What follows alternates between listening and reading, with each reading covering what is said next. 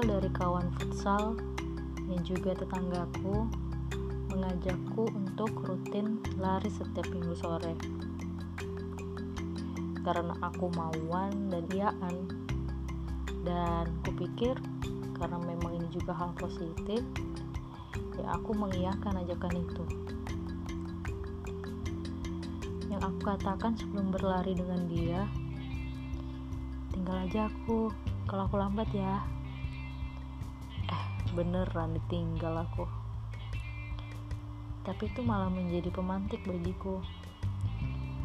Malu aja gitu ditinggal.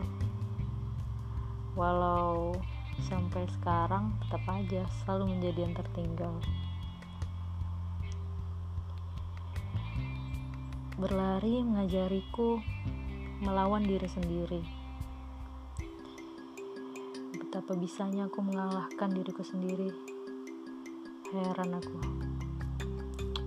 menentukan target jarak lari atau waktu terhadap jarak, melawan segala rasa yang terus memberontak ketika berlari seperti ingin berhenti di tengah jalan karena kaki sakit, nyeri, nafas yang tidak teratur.